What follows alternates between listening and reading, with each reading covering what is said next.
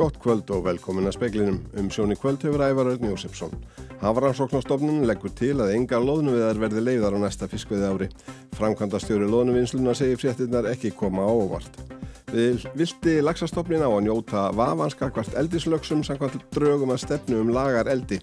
Heimildir til sjókví eldi skættu orðaði engu hafi reglött strókur kvíum mikil áhrif á vilda lagsin segir stjórnandi í matvalarráðunetinu og matvælar á þeirra segi stemt á að hækka auðlindagjöldi í sjókvíældi nær því sem týðkast í nákvæmlandunum Noregi og Færiðum. Formaðu tollvarðafélags Svíþjóðar segir glæpa ölduna ekki koma á óvart vegna niðurskurðar við landamæra eftirlit hafi fíknefni flætt inn í Svíþjóð. Ung bresk kona sem var herrmæri breska hernum svifti sér lífi vegna linnulöysra kynferðisleira áreitni frá yfirmanni og eitt af hverjum tíu börnum sem send voru sveit á árum áður var fyrir eða var vittni að ofbeldi meðan á dvöl stóð. Framkvæmtastjóri loðnuvinslunar á fáskrúsferði segir það mikið högg fyrir byggðalög víða um land að ekki megi veiða neina loðnu. Síðasta vertið hafi gefið að sér 40 miljardar króna. Hafrannsóknarstofnun leggur til að engar loðnuveðar verði lefðar á næsta fiskveið ári. Ráðgjöfin er samhljóma upphafsráðgjöf sem byggði á mælingum í á unglóðinu 2022. Hún verður endur metin í byrju næsta árs þegar nýjar mælingar á veiðistofni liggja fyrir. Fridrik Mar Guðmundsson, framkvæmda stjóri loðnuvinnslunar á Fásgrúðsferði, segir fréttinnar ekki koma sér á óvart. Við fengum vísbendingur um þetta fyrir árið síðan í höstlæðingangunum í fyrra og fönduðu bara þá föndu vístamenn bara 10 miljardar en það þarf að vera 50 miljardar til þess að sé upp á skoti og það er raunverulega sannreynist núna í þessum leiðangri að, að þetta er svona slæmt. Engar loðnuveðar hafa verið á yfirstandandi fiskveiði ári. Fredrik segir að síðasta vertíð hafi verið met vertíð. Vertíðin hafi ekki skilað þjóðabúinu svona 40 miljardum og nú er náttúrulega útlýtt fyrir lítið sem ekki neitt. Fridrik segir ekkert benda til að þú rætist með loðnuvertíðina. Þetta er tvö ári rauð sem að þeir sjá þetta svipað en þeir fara auðvitað í janúar mælingu og auðvitað vona maður alltaf það besta en það er ekkert sem bendir til þess að verði einhver loðnuvertíð sem neinin nefnur. Það að ekki megi veiða neina loðnu muni hafa mikil áhrif á mörg sveitarfjölög.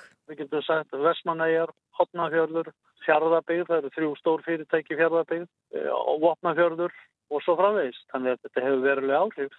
Það er ekkert að segja neitt annað. Sæði Fridrik Mark Guðmundsson Valgerður Þorstinsdóttir talaði við hann. Stífur rammi um refsingar og eftirlit með sjókvíældi er í draugum að stefnu um lagarældi sem kynnt var í dag. Kolbeinn Árnarsson skrifstofustjóru í matvalaráðanveitinu segir að vilti lagsastofnin eða njóta vafans. Nokkur sjókvíældisfyrirtæki starfa á vestfjörðum. Í stefnudraugunum sem nú eru kynnt í samráðskátt er stemt að því að 2028 hafi hvert fyrirtæki eitt leifi á hverju ábyrðarsvæði. Fyrirtækin hafa tíma þanga til til að semja sín á millum skipting á leifum. En 2028 verður einfallega komin inn regla í lög sem að myndi þá lúta að því að ef tvö eða fleiri fyrirtæki eru einan eins svona skilgjöndsfæðis að þá uppfyllir þau ekki lengur eh, skilirleif sem svo missi það. Strók eldislagsa er ekki algengt. Eitt varði í Arnarfyrði 2021 og nú í ágúst í Patræsfyrði þegar frjór lags slapp og gerði víðireist í lagsveið ár. Hættan er svo að hann blandist viltalagsastofninum og að með tíð og tíma gerir svo erðablöndun viltalagsin óhæfan til að bjarga sér í náttúrunni. Í draugunum að stefnunni er sjóeldisfyrirtækjunum sniðin mun þrengri stakkur en áður. Við erum að innlega miklu stífari ramma utanum refsingarnar og ekki síður eftirlitið og við erum að vona að, að þetta verði til þess að fyrirtækin haldi sig eh, innan þessara marka. Ef að þau gera það ekki þá erum við eins að goða áhættum að erðablöndunar og hvernig það virkar og ef að svona strókatbörir verða reglulegir, ef að þeir verða miklir og ef að þeir hafa mikil áhrif á viltalagsins þá leiðir það einfallega líka til þess að heimildir verða minkaðar yfir landið allt og að endanum hverfa þær hreinlega vegna þess að þetta tæki er hanna þannig að, að vilti lagsastofnin nýtur vafans í því öll saman. Sæði Kolbeinn Árnarsson Þórdís Arljósdóttir tók saman og þessu tengt þótt breytingar á auðlindagjaldi og annari skattlagningu fiskaldisfyrirtækja í sjókvíi eldi séu ekki nákvæmlega útvarðar í stefnumótun ráðunitisins um þessa atvinnugrein þá er stemt að því að færa þetta nær því sem týðkast í nákvæmlega Þetta segir Svandís Svavastóttir, matvalar á þeirra. Með þessum breytingum gerum við ráð fyrir því að við séum komin í það umhverfið sem að nær er uh, löndunum í kringum okkur. Það skiptir auðvitað líka miklu máli vegna þess að oftar en ekki er um að ræða fyrirtæki sem að eiga heimilisfesti annar staðar uh, að það sé ekki þannig að, að Ísland dræja að sér uh, aðila sem sjá haksin í því að, að vera hér vegna þess að hér séu göldin læri. Sæði Svandís Svavastóttir nánarverður rætt við hana í speklinum eftir frettir. Dæmi er um í Svíþjóða að börn allt niður í 14 ára gömul taki þátt í að fremja morð. Stjórnvöld ætlaði að grípa til samræmdra aðgerða á landsvísu til að auðvelda börnum að losna úr glæpahópum. Formaðu tollvarðafélagslandsins segir glæpaölduna ekki koma óvart vegna niðurskurðar við landamæravöslu flæði fíknefni inn í landið.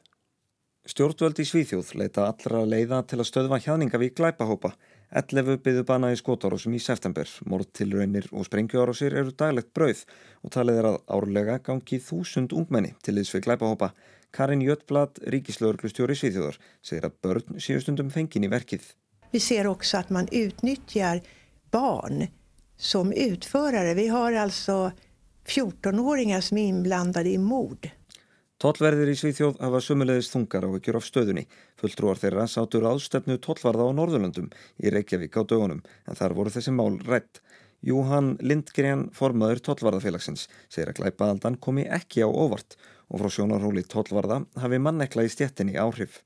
Nej, jag är inte alls förvånad. Vi har ju sett det här komma över tid och från ett tullperspektiv så har vi varnat för den här utvecklingen när vi har sett att tullen har nedmonterats och minskat i bemanning över flera år så att jag är inte förvånad.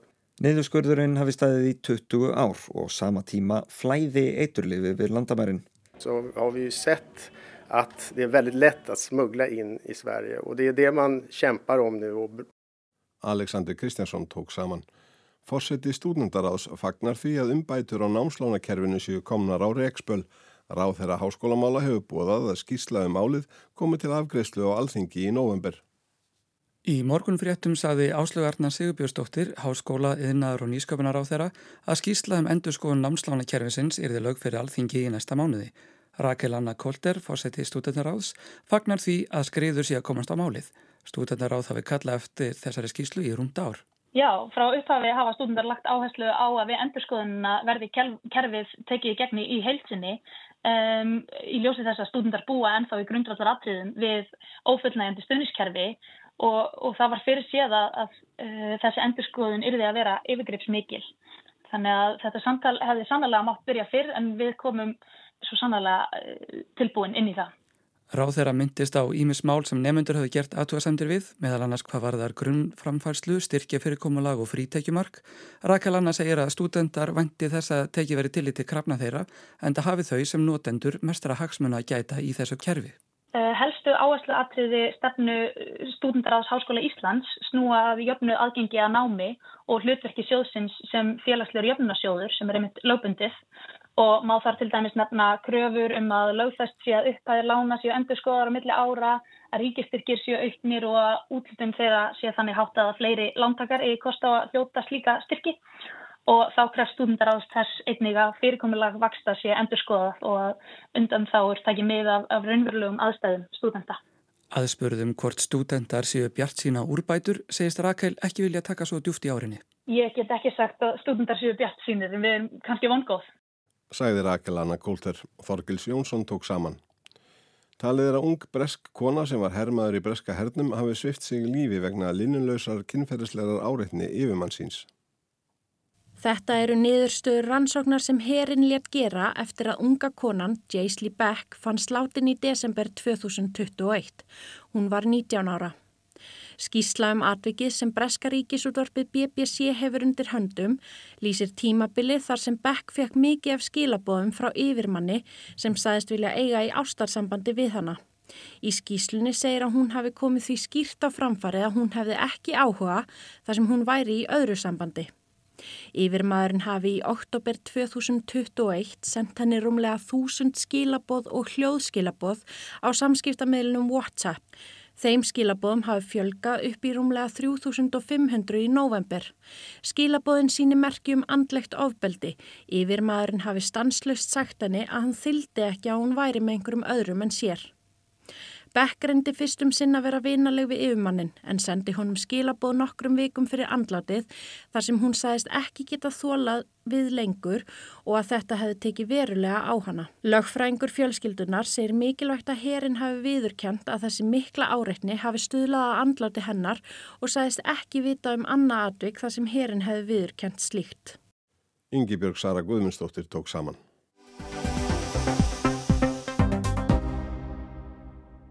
Stefnumótum fyrir umgjörð og uppbyggingu lagareldis á og við Ísland til ásins 2040 var kynnt í morgun og sett inn í samráðskátt stjórnvalda til umsagnar. Fjallaður um allt í senn, landeldi, sjókvíeldi, úthafseldi og þurungarækt en að vanda er það sjókvíeldi sem fangar aðteglina en það ímislegt þar sem betur má fara samkvæmt nýlegum úttektum þar á. Stemtir að því að svæði sem þegar hafa verið friðlist með auðlisingu verði friðið með lögum og einnig er gert ráð fyrir eblingu rannsókna til að gera burðarþólsmæningar, sjókvíja eldisfjörða og svæða áræðanlegri en þau eru. Engin hámörk eða takmörk eru hins vegar að finna á tonnafjölda, fjölda eldisstöðva eða eldissvæða. Svandi Svavarstóttir segir illmögulegt að setja slík takmörk í starfsemi sem býr við breytilegar aðstæður í breytilegu vistkerfi. Slíkt hljóti alltaf að kalla á breytilegt hámarksmagn.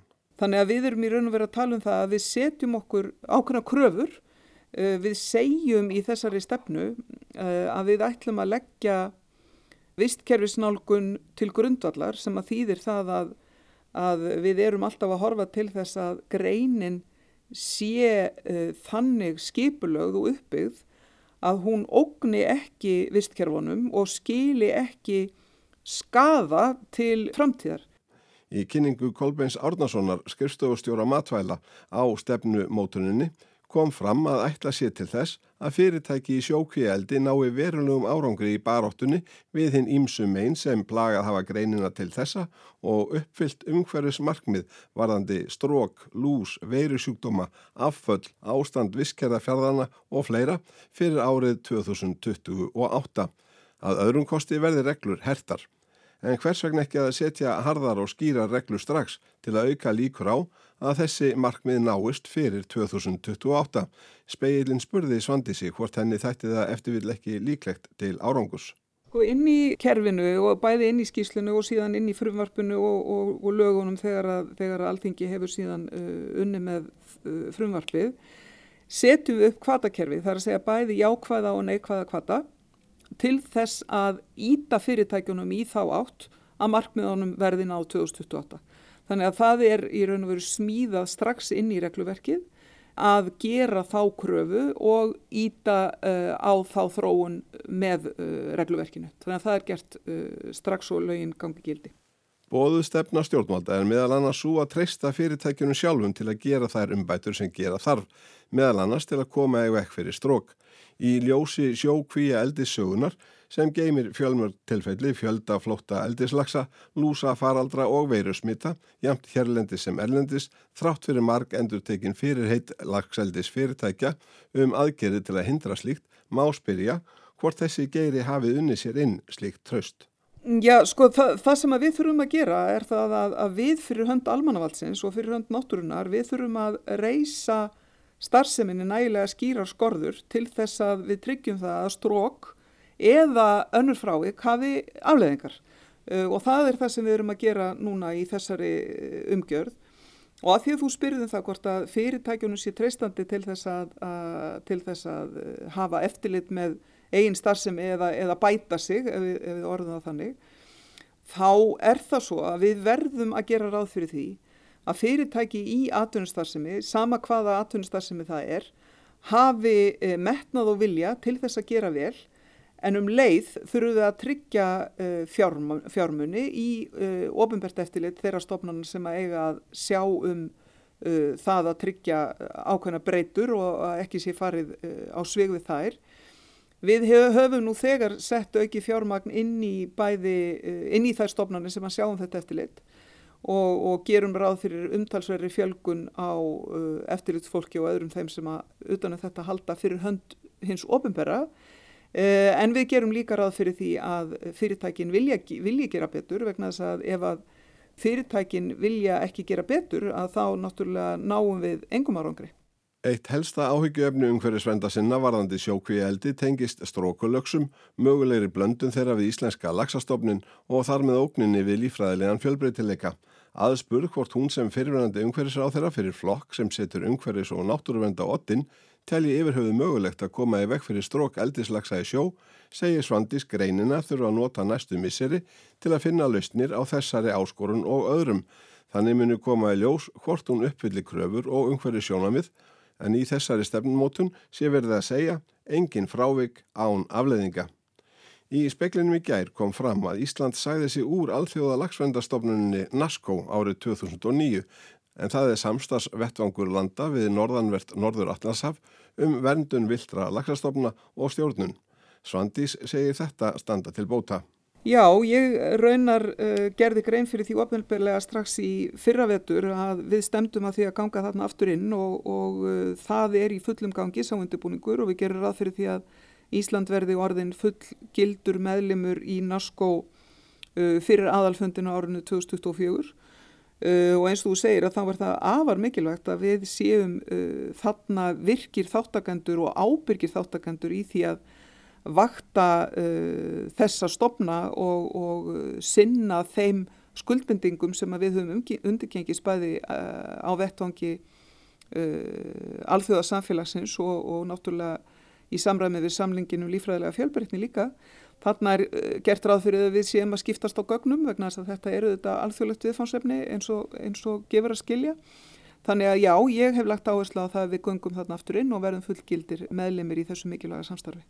Auðlindagjaldi er annað bitbein sem tengist fiskeldi hér á landi. Tekjur að því hefa markvaldast síðustu ár. Þær voru 5 miljardar fyrir 10 árum en 49 miljardar í fyrra og stóðu þá undir 5% um að heldar útflutningsverðmættum landsins. Bent hefur verið á að norsk fiskeldisfyrirtæki greiði markvallt meira til ríkisins fyrir sína starfsemi í heimalandinu en fyrir samskona starfsemi hér. Svandi segir fyrirhuga breytingar á þessu ekki nákvæmlega útfærðar í stefnumótun. Þó sé stemt að því að fiskeldisfyrirtækin skili meiri til þjóðarbúsins en áður og færa bæði fyrirkomulag og upphæðir nær því sem þekkist í Noregi og færiðum. Með þessum breytingum gerum við ráð fyrir því að við séum komin í það umhverfið sem að nær er löndunum í kringum okkur. Það skiptir auðvitað líka miklu máli vegna þess að oftar en ekki er um að ræða fyrirtæki sem að eiga heimilisfesti annar staðar. Uh, að það sé ekki þannig að, að Ísland dræja að sér Eh, aðila sem sjá haksin í því að, að vera hér vegna þess að hér séu göldin læri. Sæði Svandi Svavastóttir matvælar á þeirra.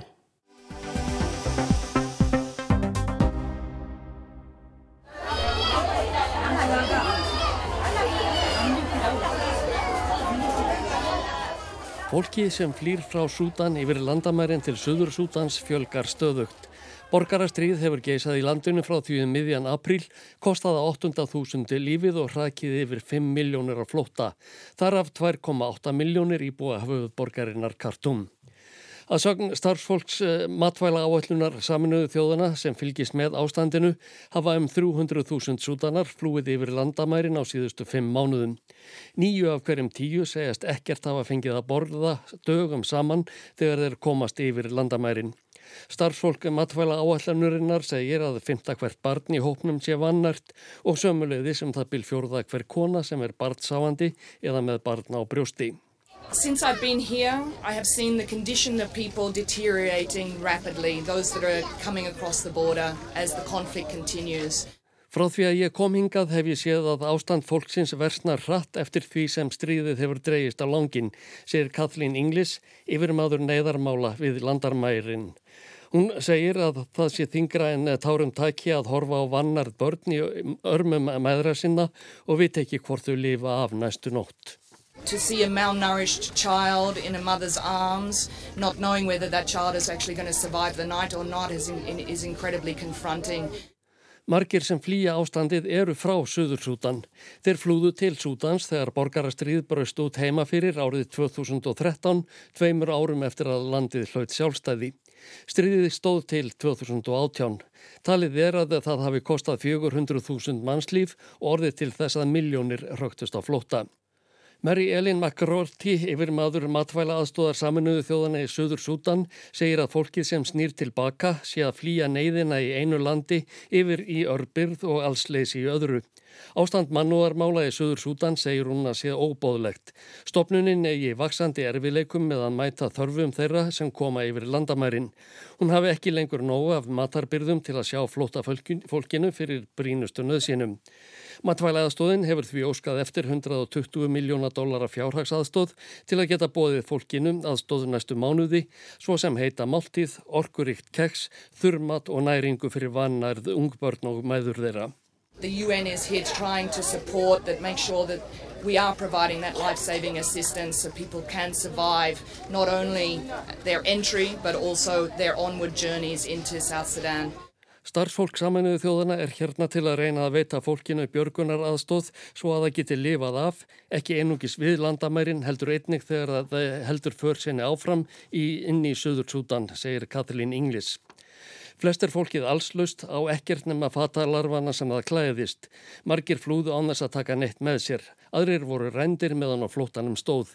Margir segast hafa verið beittir ofbeldi. Að mat starfsfólks saminuðu þjóðana hefur ástand flóta fólksins farið versnandi frá því að ströymurinn til Suður Sútans brast á. Regntímabilið er hafið í heimslutanum.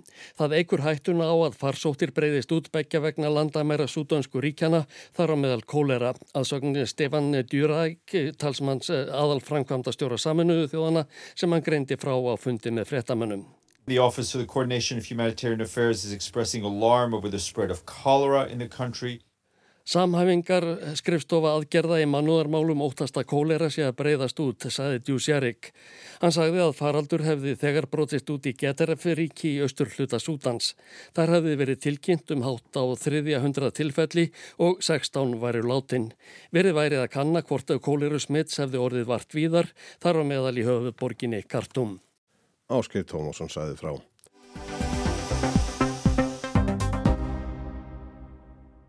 Eitt af hverjum tíu börnum sem send voru í sveit á árum áður var fyrir eða varð vittni að ofbeldi meðan á döl stóð. Profesor við Háskóla Íslands segir erfiðisvinnu, afskiptaleysi og líkamlega refsingar meðan þess sem sé þessum hópi minni stætt. Jónína Einarstóttir, professor við félagsvísindadelt Háskóla Íslands og Geir Gunnlaugsson, professor í nattarætni Hilsu, gaf árið 2019 út tvær bækur um þann rótgróna íslenska sið að senda börn í sveit á sömurinn. Bækurnar voru afrakstur margra áraransóknarvinnu og samvinnu margra fræðimanna sem fól meðal annars í sér ótalmörgu viðtöl við sumardvalarbörn og heimafólk á samt söpnun gagna um upplifin fólks með það að markmiði að veita insýn í líf íslenskrar æsku í rúma eina öld. Á árlegri ráðstefnu Háskólans á Akureyri, löggjæsla og samfélagið, þar sem þemað er ólíkar byrtingarmyndur ofbeldis, lítar hansakandur hins vegar á skugga hliðar sveitadvalarinnar. Jónína segir að þó lang flestir hugsi með hlýju til þessa hluta esku sinnar hafi stór hópur líka orðið fyrir yllri meðferð. Og það er mjög, kemur mjög skýrt fram í þessum bara spurningalistakonun að fólk er mjög ánægt með reynslu sína af því að hafa verið í sveit þegar það horfið tilbaka en það þýðir ekki alltaf að allt hafi verið létt en fólk er mjög í mun að tala um ávinningin að því, hvaða hafi lært og hvernig það hafi flutt með sér þennan lærdom inn í lífið en svo er þarna hópur, alltaf 10% sem er ósáttur við dölsina af allskynns hástæðum. Þessi hópur nefnir til dæmis að mikið hafi verið um ofbeldi milli barna á bænum, slagsmál og rifrildi, sem börn uppliðu niðurlægingu við að kunna ekki til verka.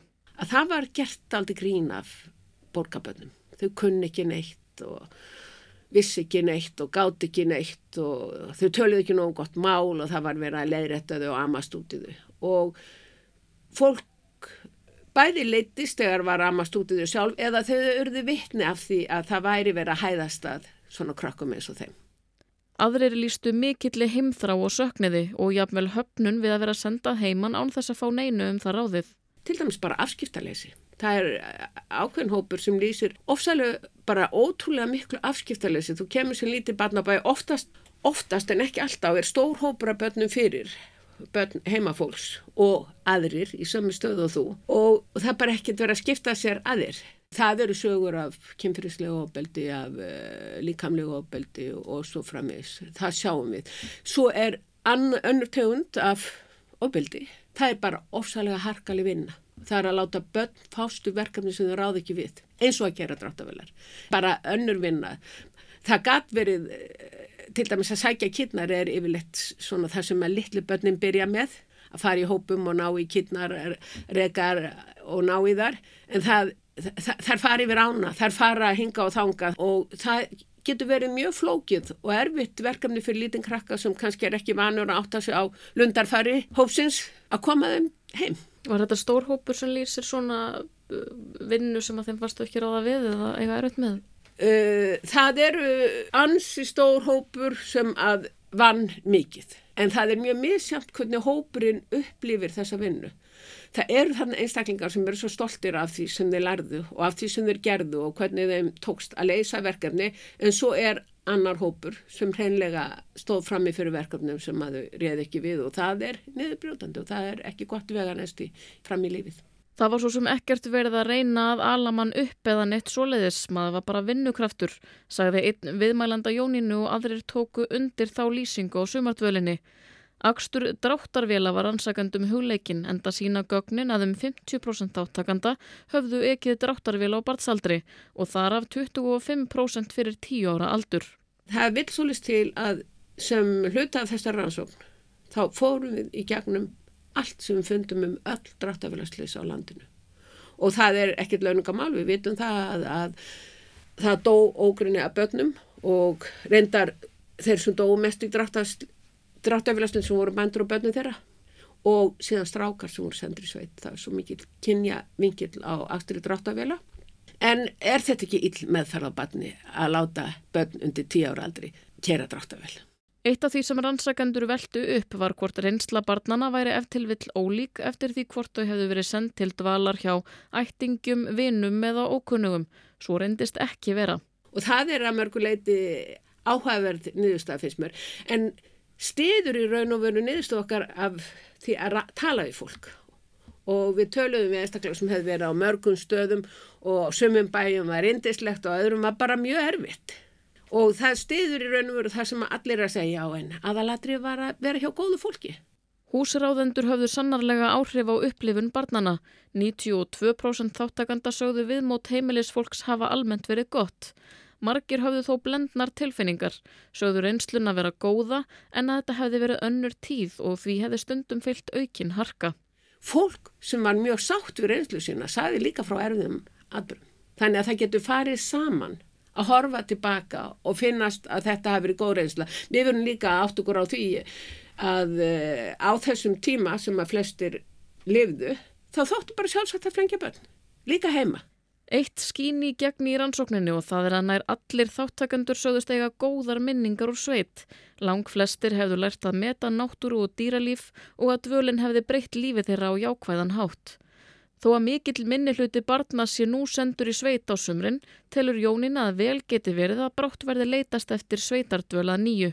Þegar að síðurum byrja líka þá var ofsaleg svona mikil, miklar umræður í, í Evrópu og bandaríkjónum líka hvað var mikilvægt að koma börnunum af mölinni úr uh, vandaloftinu í borginu og samhliða tilkomu þessara síðar sem á í raun og veru rætur í því að vistaböndin eru aflist og, og sveitirnar verða einhvern veginn uppeldistöð fyrir börn í hugsunum fólks, það er þarna sem þú lærir að verða Íslandingur og ég held að við mettir að upplifa aftur svona tíma og, og pælingar um það að börn þurfi í raun og veru einhvers konar tenging og hafa lögð svo mikil áherslu á tengingunum með náttúrun og dýrin og allt þetta.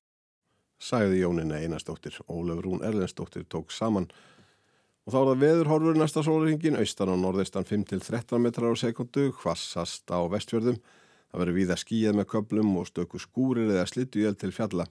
Austan 5-13 metrar á sekund á morgun en hvassara um tíma við söðuströndina. Dáli til væta vestast en áfram smá skúrir eða jél á við og dreif. Híti verður 1-9 stig og það verður mildast, segist. Fleira er ekki í speklinum í kvöldtæknum að þeir var Mark Eldredd, Anna-Lísa Hermannsdóttir stjórnaði frétta átsendingu, hægt er að hlusta á speilin í spilara Rúf, Rúf appinu og helstu hlaðvarps veitum. Veriði sæl.